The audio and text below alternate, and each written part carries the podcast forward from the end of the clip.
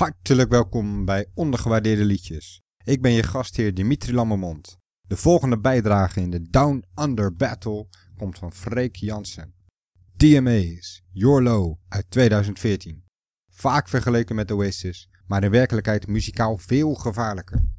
Een Australische band die ook mee had kunnen doen aan een Britpop battle, dat is DMA's. Vaak worden ze vergeleken met Oasis, wat beroeps zuurpruim No Gallagher ertoe bracht om tijdens een interview te verklaren dat hij boe zou roepen als hij een concert van het Australische trio zou bijwonen. Niet dat hij ooit maar één liedje van de band had gehoord, maar toch. De vergelijking met Oasis is begrijpelijk, maar lang niet toereikend. Muzikaal is DMA's veel gevaarlijker dan de Britten. Dat blijkt het beste uit hun weergaloze single Your Low. Wat die gitarist hier doet met zijn riff, dat is toch briljant. Hij wringt al een beetje vanaf de eerste tonen, maar hoe verder je in het nummer komt, des te meer de riff als stoorzender optreedt. Laten we dus snel gaan luisteren.